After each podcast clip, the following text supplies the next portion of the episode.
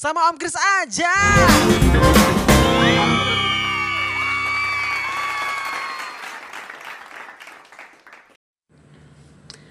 Kalau ngomongin pendidikan hari ini, apa nih yang terpikirkan oleh para pendengar?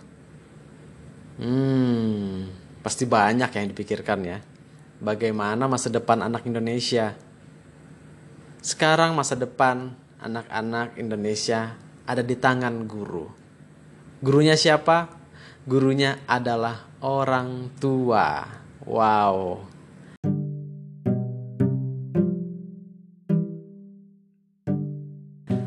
Luar biasa. Sekarang orang tua banyak berperan dalam mendidik anak. Karena apa nih? Yaitu kita sekarang harus melaksanakan tugas guru di rumah sebagai orang tua, ya. Bagaimana nih kita menyikapinya? Ada ya beberapa orang tua juga uh, memiliki komentar seperti ini. Saya kan bukan belat bu, pendidikan saya kan latar belakangnya bukan pendidikan untuk mendidik. Jadi saya agak susah untuk mendidik anak. Nah, itu bagaimana tuh? Jadi ada juga orang tua yang memiliki uh, latar belakang pendidikan untuk mendidik. Saya gampang-gampang aja mendidik anak. Ya karena emang itu tugas saya baik di sekolah ataupun di rumah. Anak saya sebagai murid saya juga, yang di sekolah juga murid saya juga. Jadi tidak masalah bagi guru atau dosen untuk mendidik anak-anak mereka. Nah, bagaimana orang tua yang tidak memiliki latar belakang pendidikan untuk mendidik? Hmm. Semoga orang tua-orang tua saat ini jangan patah semangat. Inilah saatnya. Inilah tantangannya sebagai orang tua saat ini. Jadi, kita harus banyak belajar akhirnya lagi ya kalau dulu kita sudah belajar latar belakang pendidikannya mungkin di teknik atau di pertanian atau di kedokteran. Nah, sekarang kalian berikan waktu kalian untuk bagaimana cara mendidik anak dan perbanyak referensi bagaimana cara mendidik anak baik di usia dini, remaja dan pemuda. Mereka butuh namanya ilmu setiap hari. Mereka butuh pendidikan. Jangan sampai pendidikan itu stop. Kenapa? Contohnya aja bayi. Kalau misalkan bayi dia mau bolak-balik tapi kita larang, pastikan dia akan nangis, dia akan risih. Seharusnya kita harus mengajarkan, kita harus beri tempat mereka. Kalau dia tidak tahu apa-apa, kita berikan informasi, kita berikan stimulan untuk dia dapat merespon itu, untuk dia dapat melakukan itu, kita dapat kita dapat sebagai kita dapat berdiri sebagai contoh mereka. Nah, seperti itulah. Waduh, Om Kris kok bijak sekali hari ini. Ya, itulah karena latar belakang pendidikan Om Kris di S2 ya tentang pendidikan ya, manajemen pendidikan. Jadi sedikit banyak tahu tentang bagaimana mendidik, bagaimana mengelola manajemen, bagaimana uh, mengelola uh, pendidikan itu ya. Oke. Nah, Eh, sekarang yang terpikirkan adalah bagaimana metode belajar di rumah. Wah, ini orang tua nih pada pusing nih. Gimana nih, gimana nih ngajarin anak gua nih ya? ya, semua orang tua pusing saat ini. Karena bukan guru ya, bukan guru yang bisa ngajarin setiap hari yang memiliki materi-materi yang sudah ada gitu ya. Nah ini sekarang tugasnya orang tua. Waduh gimana nih? Oke. Nah sekolah juga harus memfasilitasi itu bagaimana caranya orang tua dapat bekerja sama dengan guru untuk mendidik anak tersebut. Nah di sini ada salah satu artikel itu membahas tentang metode belajar dari rumah yang efektif. Oke. Seperti yang kita ketahui kalau sekarang belajar itu bisa di rumah itu bisa menggunakan ini ya teknologi alat komunikasi banyak lah seperti Zoom, Google Classroom, uh, Moodle atau Google Meet itu bisa kita masih bertatap muka. Kalau ya Kalau secara daring seperti itu ya. Nah, oke. Okay. Kita bacakan ini sedikit dari uh, Komisioner Komisi Perlindungan Anak Indonesia atau yang sering disebut dengan KPAI. Ini membagi, membagikan tips bagaimana cara mendampingi anak belajar dari rumah. Wah, seru nih orang tua ayo ajarin anaknya masing-masing sekarang nih berlomba-lomba nih sekarang tugasnya tambah banyak nih orang tua ya termasuk saya nanti nih waduh oke eh, sepertinya ada enam eh, tips dari KPAI ya oke yang pertama menciptakan suasana rumah yang aman dan nyaman misalnya tidak ada suara televisi musik keras atau percakapan yang lantang saat anak sedang bersiap untuk belajar atau sedang proses pembelajaran. Oke, berarti orang tua harus paham ya ketika memang ini waktu belajar anak. Eh, tolong tuh semuanya dikondisikan ya. Intinya intinya dikondisikan tuh kayak ya kayak kita mau rapat lah. Jangan ada yang ribut dulu. Ini rapat harus eh, berjalan lancar. Jadi semuanya harus diam. Wah seperti itu ya. Jadi kita juga di di rumah lakukan seperti itu. Jangan ada yang ribut, anak-anak mau belajar supaya konsen anaknya. Wah, mantap. Kemudian yang kedua, ciptakan suasana positif yang mendukung proses belajar mengajar. Orang tua dapat mendampingi anak saat anak PJJ atau pembelajaran jarak jauh secara daring dan memastikan bahwa anak tidak membuka konten-konten kekerasan, pornografi, kemudian ya saat belajar ya, intinya jangan membuka-membuka itu. Eh, yang pastilah uh, kalau misalkan di YouTube itu boleh di uh, pakai uh, content kids ya. Jadi jangan membuka yang kekerasan dan lain-lain tentang edukasi bisa di YouTube di setting bisa kok Nah, kemudian yang ketiga itu berlakukan proses belajar mengajar di rumah dengan disiplin. Oke, jadi kalau misalkan di kantor orang tuanya disiplin untuk dari waktu, kebersihan dan lain-lain. Nah, itu saatnya kita lakukan juga di rumah. Untuk siapa? Untuk anak kita. Untuk anak-anak yang butuh itu. Butuh, mereka butuh itu. Mereka butuh namanya informasi yang baru yang perlu mereka uh, dapatkan gitu ya. Oke.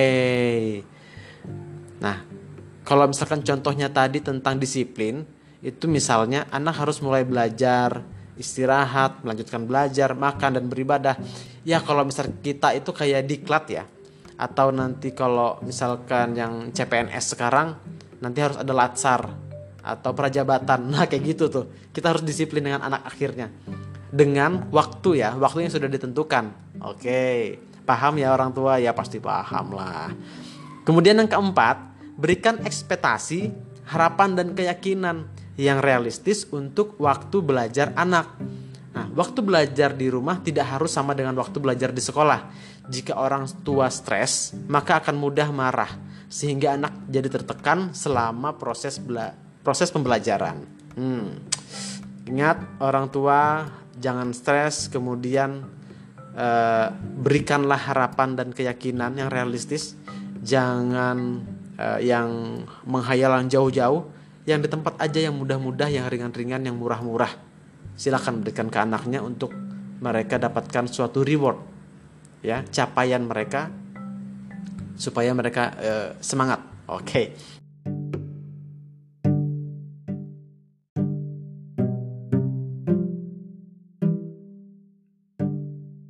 Kemudian yang kelima, orang tua jangan stres. Pastikan kondisi orang tua baik sehingga dapat melaksanakan proses pendampingan dengan baik pula. Oke, tadi sudah ya intinya jangan stres. Orang tua jangan marah-marah ya. Waduh, nanti kalau ngajar anaknya marah-marah, wah jangan ya. Nanti anaknya malah ini tertekan.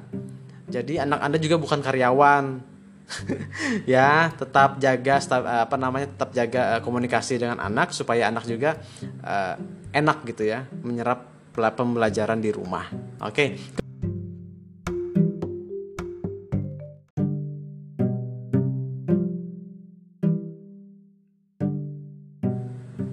Nah, yang keenam, Pendampingan belajar mengajar bisa bergantian antara ibu dan ayah, sehingga pembagian peran orang tua dapat dilakukan dan anak akan mendapatkan suasana belajar yang berbeda. Nah, penting itu ya, ibu dan ayah, karena ibu dan ayah sama-sama memiliki peran yang penting di dalam membangun hubungan uh, komunikasi anak dan orang tua. Ayah ayah penting, ibu penting, perannya sama-sama penting uh, juga bagaimana cara ibu mengajar pun berbeda nanti dengan cara ayah mengajar. Nah,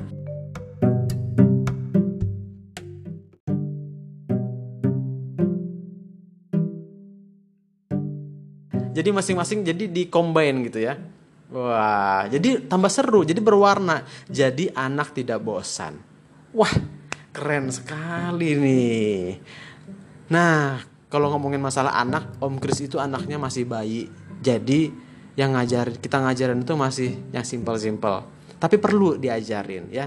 Nah yang sekarang ini yang jadi perhatian adalah anak SD sekolah dasar SMP SMA itu perlu perlu apa namanya ekstra ya mendidik anak. Wah. Oke. Okay.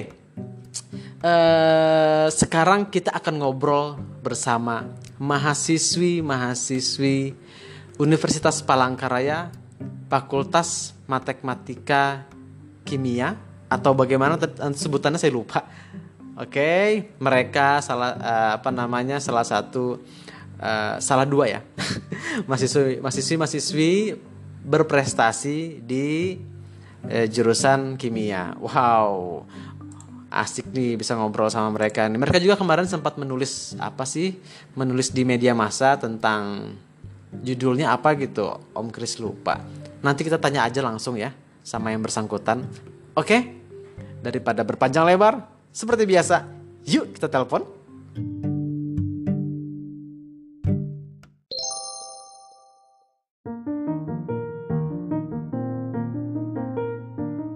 Halo, kembali lagi bersama saya Om Kris. Hari ini bersama dua mahasiswi asal Universitas Palangkaraya dari Fakultas Fakultas apa nih kalian? Fakultas, Fakultas Matematika dan Ilmu Pengetahuan Alam, Pak. Waduh, serem banget matematika nih. Oke, okay, di sini ada siapa? Coba kenalin dulu masing-masing. Uh, saya dulu nih, Amel. Siapa dulu nih? Siapa dulu nih? Yang paling atas nih kayaknya ada Amelia. Silakan Amelia memperkenalkan diri. Halo Amelia. Halo Priscila. Ya, halo Pak. Amelianya nggak ada ya? Ada Pak. ya udah, uh, Priscila dulu deh. Kenalkan diri. Oke, perkenalkan saya Priscila Carolina Momoto, mahasiswa mm -hmm. jurusan Kimia, Fakultas Matematika dan Ilmu Pengetahuan Alam Universitas Palangkaraya. Oke, coba kita sambung dulu Amelia. Amelia, halo. Iya, halo. Oh, baru ada suaranya tuh Amelia. Nah, silakan Amelia, silakan. Iya, halo. Perkenalkan nama saya Amelia Siska. Saya dari Fakultas Matematika Universitas Palangkaraya. Oke, sama-sama semester 2 ya? Iya, Pak. Oke, kalau Amelia asalnya dari mana? Kalau asal saya dari Pulang Pisau. Dari Pulang Pisau masih di Kalimantan Tengah. Kalau iya, Priscila? Kalimantan Tengah. Saya dari luar pulau Pak, Pulau Nias. Pulau Nias, Sumatera. Iya betul Pak. Wah jauh nih merantau ke Kalimantan Tengah. Lumayan. Bagaimana Kalimantan? Bagaimana Kalimantan Tengah? Apakah hampir sama dengan Sumatera? Berbeda? Berbeda Pak, berbeda. Oke. saya belum pernah ke Sumatera tuh. Nanti kapan-kapan boleh saya main sana ya. Iya Pak, siap. Oke. Uh, kalau Amelia dulu sekolah di mana Amelia? Halo Amelia, dulu sekolah di mana? Amelia kayaknya hilang nih. Iya kayaknya putus-putus Pak. Kalau Priscila dulu sekolah di mana Priscila? Saya sekolah di SMA Negeri Unggulan Sukmanias. Hmm, hmm, nah dulu jurusan waktu SMA itu jurusannya ngambilnya IPA berarti ya? Iya Pak IPA. IPA kayaknya kalau panggil bapak-bapak itu di podcast saya itu walaupun mahasiswa panggil saya jangan bapak sebenarnya sih tapi kalian karena kalian sudah panggil saya bapak ya sudahlah nggak apa-apa. Iya. Oke, kalau Amelia dulu di mana sekolahnya? Saya di SMA Negeri 1 Kayan Tengah pada daerah Bukit Rawi. Daerah Bukit Rawi, Bukit Rawi. Loh, Pulang Pisau. Oh, Pulang Pisau daerah sini kamu ya? Iya. Bukan pulang pisau yang ke arah Kapuas itu bukan? Bukan, bukan, Pak. Hmm. Kabupatennya yang Pulang Pisau. Oh, ya Kabupaten Pulang Pisau. Luas ya Pulang Pisau itu ya? Iya, memang luas Pulang Pisau. Nah, dulu jurusannya apa? Saya jurusan IPA. IPA. Jadi Iya. memang jadi kalau misalkan masuk Fakultas MIPA itu harus jurusan IPA gitu ya? Enggak sih Pak, tergantung eh, minat dan bakat kita ke mana gitu. Kalau saya kan memang maunya di eh, karena jurusan saya sudah IPA, jadi saya Mhm. maunya di FMIPA juga gitu. Oh, gitu. Jadi memang pilihan pertama FMIPA waktu itu. Iya, Hmm, begitu juga dengan Priscila, Iya Pak, langsung pilihan pertama langsung FMIPA gitu ya? ya di Universitas Palangkaraya pilihan Oh, pilihan kedua. Pilihan pertamanya apa? Singapura Bangsa Karawang. Oke, oke. Nah, eh, kenapa sih pilih kimia waktu itu? Pilih apa jurusan kimia? Kalian? Eh, kalian ini kimia kan bukan matematika kah? Kimia Pak, kimia. Oke, kenapa? Coba dulu dari Priscila kenapa memilih Eh, jurusan kalau- kimia? Ya kalau saya sendiri, saya sudah tertarik uh, sama pelajaran kimia dari SMA sejak kelas 10 karena saya tertarik uh, sama cara mengajarnya wali kelas saya dulu. Jadi uh, wali kelas saya mengajarkan kimia uh, membuat saya tertarik sekali belajarnya, asik belajarnya dan menurut saya di kimia itu saya bisa berkreasi seperti itu Pak. Oke, jadi menurut kamu kimia itu nggak susah gitu ya? Ya pasti ada susahnya, ada enggaknya juga Pak seperti itu. Oke. Sekarang ke Amelia. Amelia kenapa memilih kimia di Universitas Palangkaraya? Ada kan banyak tuh jurusan-jurusan lain gitu. Ada kedokteran juga. Kalau IPA juga bisa ke teknik gitu ya. Kenapa Amelia pilih jurusan itu? karena gini Pak, dari saya SMA dulu, dari mulai saya kelas 10 itu kan saya sudah ik- sering ikut eh, kegiatan lomba misalnya olimpiade, pokoknya kimia yang berhubungan sama kimia semua gitu. Jadi saya tuh tertarik gitu dan penasaran. Dan juga kehidupan kita sehari-hari kan tidak terlepas dari namanya kimia gitu. Jadi saya eh, semakin lama, semakin lama semakin penasaran. Ini tuh sebenarnya pelajaran kimia ini menarik gitu. Jadi saya ingin eh, apa yang saya mau dapatkan itu saya dapatkan kembali di apa universitas gitu. Yang jenjangnya lebih tinggi supaya lebih apalah eh, lebih banyak gitu ilmu pengetahuan saya tentang kimia. Hmm, oke. Jadi kimia ini menurut eh, teman-teman yang sekarang masuk jurusan kimia ini, jadi kimia itu lebih menarik daripada jurusan yang lain gitu. Bukan bukan lebih menarik sih. Jadi eh, ya basicnya sudah ada, kemudian lebih penasaran Iya. lagi kalau kimia itu sejauh Iya. mana sih gitu ya? Ya betul Hmm. pak. Oke, nah sekarang kan kita eh, masih dalam eh, kondisi yang sama nih ya. Sekarang kita lagi di rumah masing-masing, masih di rumah masing-masing ya? Iya. Iya. Nah, bagaimana perkuliahan dengan metode daring saat ini? Apakah kalian menikmatinya? Iya kalau masalah menikmati kami menikmati sekali pak eh, masalah Mhm. kuliah daring ini tapi tergantung juga dari dari mahasiswanya gitu karena misalnya kalau di kampung itu kan jaringan susah terus kota agak mahal Oke. Halo. Tadi Amelia yang bicara ya? Iya Pak. Terus? Iya jadi bagi mungkin bagi sebagian mahasiswa yang Hah? kuliah dari rumah ini enak enak kalau ada jaringannya kalau ada Oke. itu pak tapi kalau yang di kampung karena saya pernah di kampung juga itu kendala jaringan ini yang susah gitu Oke, eh, saat ini Amelia ada di mana? Palangkaraya atau di kampung? iya saya di Palangkaraya pak Oke, kalau Priscila di mana saat ini? Saya juga di Palangkaraya Pak. Nah, di Palangkaraya juga Priscila. Gimana nih Priscila tentang kuliah metode daring ini? Kamu menikmati atau pengen pulang ke kampung aja saat ini atau gimana? Kalau eh, lihat kondisi seperti sekarang memang lebih memilih untuk tetap di sini Pak karena mengikuti anjuran pemerintah juga untuk tidak pulang kampung dan Iya. ketika saya tetap di sini juga perkuliahan saya bisa lebih mudah saya jangkau karena eh, jarak yang dekat dan Ah. mengenai kuliah online memang betul kata teman saya Siska kalau bagi beberapa orang pasti ada yang kesulitan pasti ada juga yang lancar-lancar saja yang menikmati karena ya jaringan ada kemudian kuota memadai gitu kan. Tapi kalau teman-teman di yang di kampung pasti ada kendala jaringan dan sebagainya. Dan itu dialami sama beberapa teman-teman seprodi kami setiap kami kelas online. Ada ada beberapa yang mengeluh akibat uh, kendala jaringan seperti itu, Pak. Oke, Priscila, uh, kemarin kan kalau nggak salah dari UPR itu ada dibagikan uh, apa kartu perdana ini ya untuk data. Iya pak. Dapat. Iya pak, dapat pak, dapat. dapat. Oh, Amelia dapat. Dapat pak, dapat. Oh, mudah-mudahan rata ya pembagiannya ya. Iya. Iya. Oke oke oke oke. Kemudian, uh, nah itu tadi kan saya nanyakan ke kalian dua tuh tentang bagaimana metode daring ini di perkuliahan kita saat ini. Nah, apakah teman-teman yang lain juga itu uh, ya mungkin ada tadi ya sebagian mungkin yang sedang sedang di kampung gitu. Apakah tetap mengikuti perkuliahan mereka atau ada yang skip sama sekali gitu dari awal sampai sekarang? Sebagian ada yang mengikuti Pak, uh, hmm. sebagian juga tapi nggak ada sih yang men-skip gitu nggak ada. Misalkan ada yang tidak masuk perkuliahan hari ini, jadi dia tuh ngechat dosen yang bersangkutan yang mengajar pada hari ini meminta tugas gitu karena ketidakhadirannya pada saat pertemuan itu seperti itu. Kalau yang sama sekali skip itu nggak ada pak.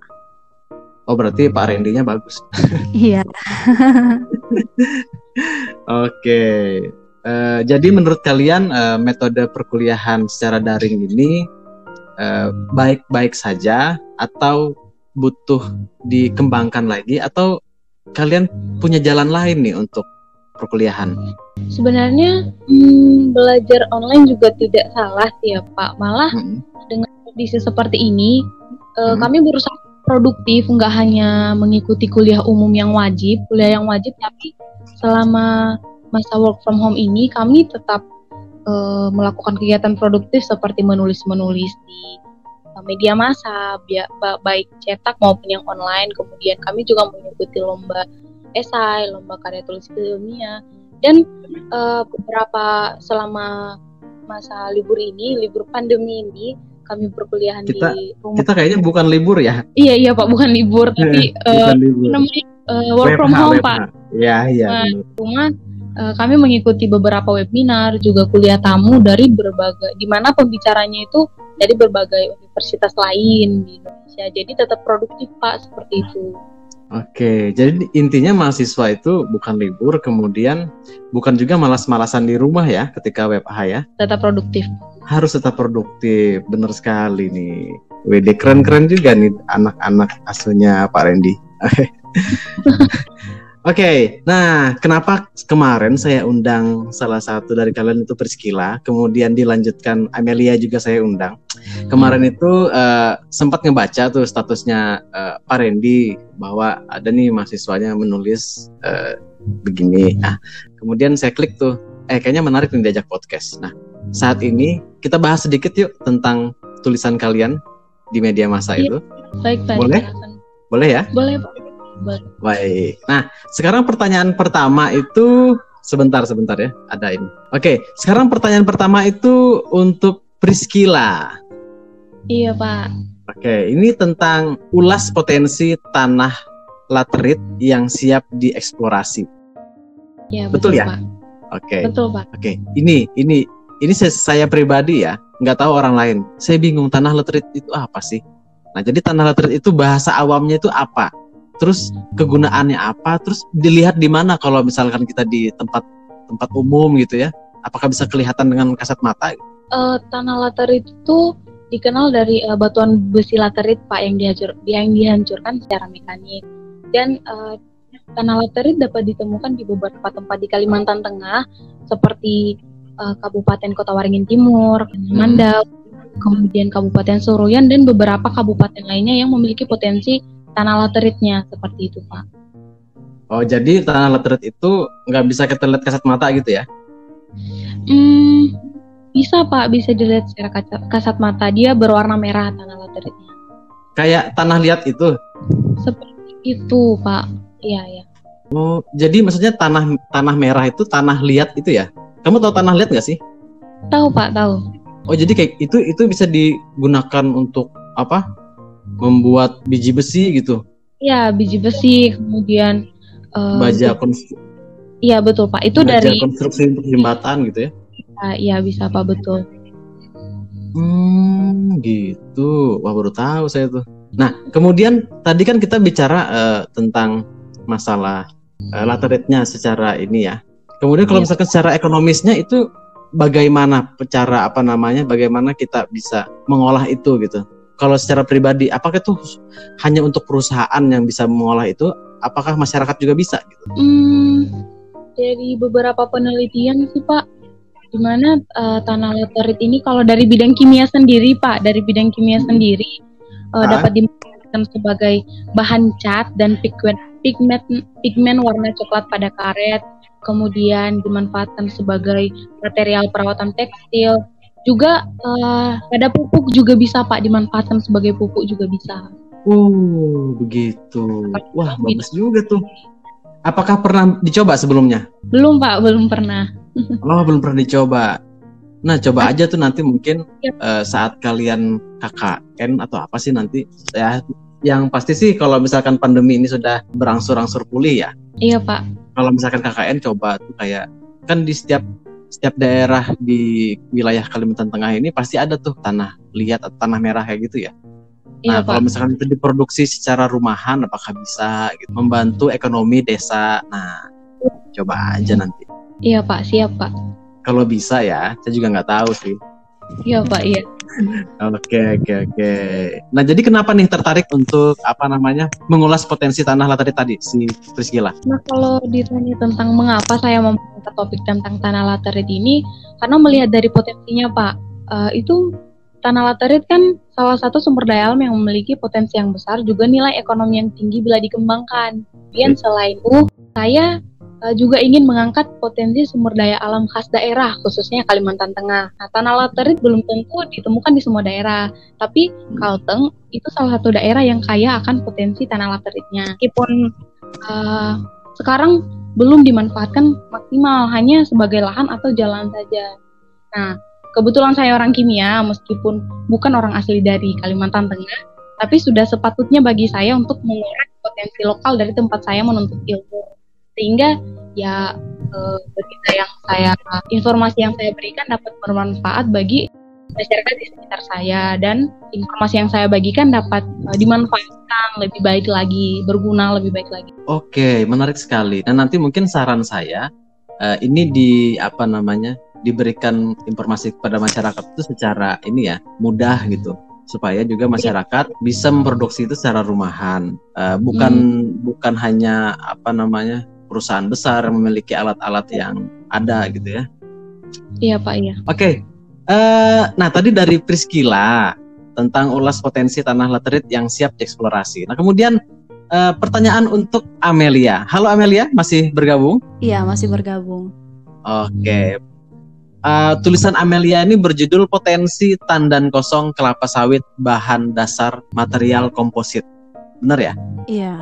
Iya benar. Oke, baik. Pertanyaannya tolong uh, jelaskan dengan singkat tentang potensi tandan ini. Karena begini Amelia, uh, saya dulu juga pernah punya kebun sawit yang mana tandannya itu ya dibakar aja, nggak yeah. tahu kegunaannya apa ya. nah, iya. Nah sekarang ini coba deh kamu ini jelasin apa sih sebenarnya potensi tandan itu. Nah iya, seperti kita ketahui ya Pak, uh, pul dua pulau terbesar uh, yang apa banyak kebun sawitnya itu di Sumatera dan di Kalimantan. Nah, okay. tentu saja ini kan banyak sekali gitu. Banyak orang yang man memanfaatkan uh, buah kelapa sawit ini untuk minyak untuk kosmetik, makanan dan lain-lain. Tapi banyak tandan kosongnya yang tidak digunakan secara maksimal. Nah, sebenarnya banyak di kampung saya juga banyak yang membakar tandan kosongnya gitu. Tapi hmm. itu kan sudah dilarang membakar itu kan sudah dilarang oleh pemerintah sekarang. Nah, tapi uh, masih belum maksimal gitu pemanfaatannya itu. Jadi banyak yang digunakannya itu seperti ditumpukan gitu supaya jadi uh, kompos, terus juga bisa dijadikan uh, material penutup budidaya untuk menjaga kelembapan tanah. Padahal banyak sekali penelitian yang berhubungan dengan limbah tandan kosong kelapa sawit yang telah dikerjakan. Nah, seperti pembuatan papan partikel dengan perekat penol. Nah, bahan buku kertas serta sebagai material komposit yang terdiri dari matriks dan penguat. Nah, ini pemanfaatannya yang uh, potensi yang belum kita ketahui dan belum banyak orang ketahui gitu manfaatnya itu apa sebenarnya. Oke, nah, berarti uh, banyak potensi ya? Banyak banyak potensi banyak banyak Pak. banyak banget potensi. Kemudian apakah iya, di kampung di kampung apa namanya Amelia saat ini itu menyadari bahwa potensi itu ada? Tidak. Tentu saja seperti kayak uh, Bapak bilang tadi itu yang masih banyak dilakukan itu ya membakarnya. Iya benar. Nah, nah kemudian jadi lanjutin, makanya dari lanjutin. Ya. Iya, nah dari situ saya itu uh, penasaran gitu melihat yang selalu dibakar, dibakar, dibakar. Sebenarnya potensinya ini apa ya? Tidak mungkin itu tidak memiliki potensi. Nah, saya cari, saya cari, saya kulik-kulik apa semua baca jurnal, baca informasi, cari informasi semuanya sehingga ternyata itu sangat uh, uh, apa namanya pemanfaatan limbah tandan kosong kelapa sawit itu menjadi material komposit cukup menarik. Nah, terutama itu bagi orang yang menek menekuni bidang ilmu kimia itu sangat menarik untuk material komposit. Mm -hmm. Oke, okay. nah, jadi nah, ya gimana gimana lanjutin? Iya, jadi limbah kosong kelapa sawit ini itu tersusun besar atas selulosa, Pak. Nah, gitu. Okay. Jadi itu sangat bagus sekali. Mm -hmm. Oke, okay. uh, eh, Amelia, kamu ya. tahu nggak uh, kelapa sawit itu se uh, selain digunakan untuk tadi minyak dan lain-lain. Kemudian hmm. kalau untuk orang Dayak itu digunakan untuk apa? Kenapa Pak? Kalau untuk orang Dayak uh, kelapa sawit itu atau pohon kelapa sawit itu selain tadi diproduksi untuk minyak hmm. dan lain-lain, kemudian ada apa lagi kira-kira yang bisa digunakan dari pohon kelapa sawit? Kalau khusus pohon untuk orang itu... Dayak. Ya? Iya, itu kan ada makanan khas kita orang Dayak kan, Pak. Itu kan iya, bisa diambil umbutnya itu. Nah, umbut kelapa ah. sawit itu itu nggak pernah ketinggalan setiap ada acara orang Dayak gitu. Nah, apakah Priscila tahu itu? Tidak, Pak. Oh, tidak tahu. Jadi orang Dayak itu makan segala umbut-umbutan ya, Priscila ya? Iya. oh. Oke, okay, uh, eh, Amelia. Iya.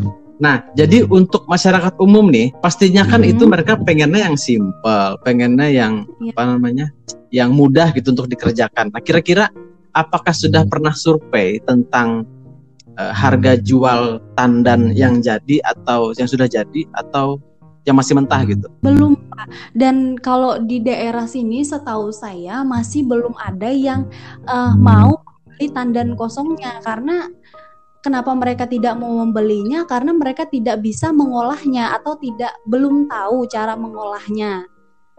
Hmm, oke. Okay. Nah itu kayaknya menjadi tugas kamu ya, Amelia ya. Jadi iya. tugas ini maksudnya tugas ini ya apa namanya pengabdian kepada masyarakat ke depan gitu iya. ya.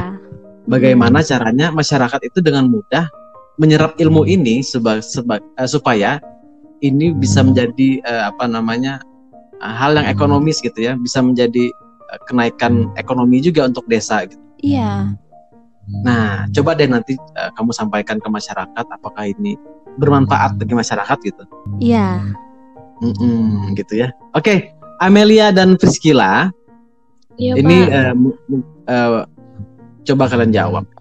Apakah menurut kalian sekarang UPR ini memberikan kesempatan yang baik kepada kalian mahasiswa-mahasiswi UPR yang ada sekarang untuk kalian berkembang kemudian untuk kalian uh, bisa bisa berprestasi apakah UPR sudah memberikan kesempatan itu? Coba dari. Amelia ya. dulu. Sudah Pak. Sudah pasti. Contohnya aja seperti kami sini uh, ini kan uh, kuliah daring kan. Nah kalau hmm. memang itu uh, apa dari UPR tidak mendukung tidak mungkin membelikan mem memberikan kami kartu perdana hmm. gitu. Okay. Jadi kami kan tetap produktif artinya UPR itu mendukung kami.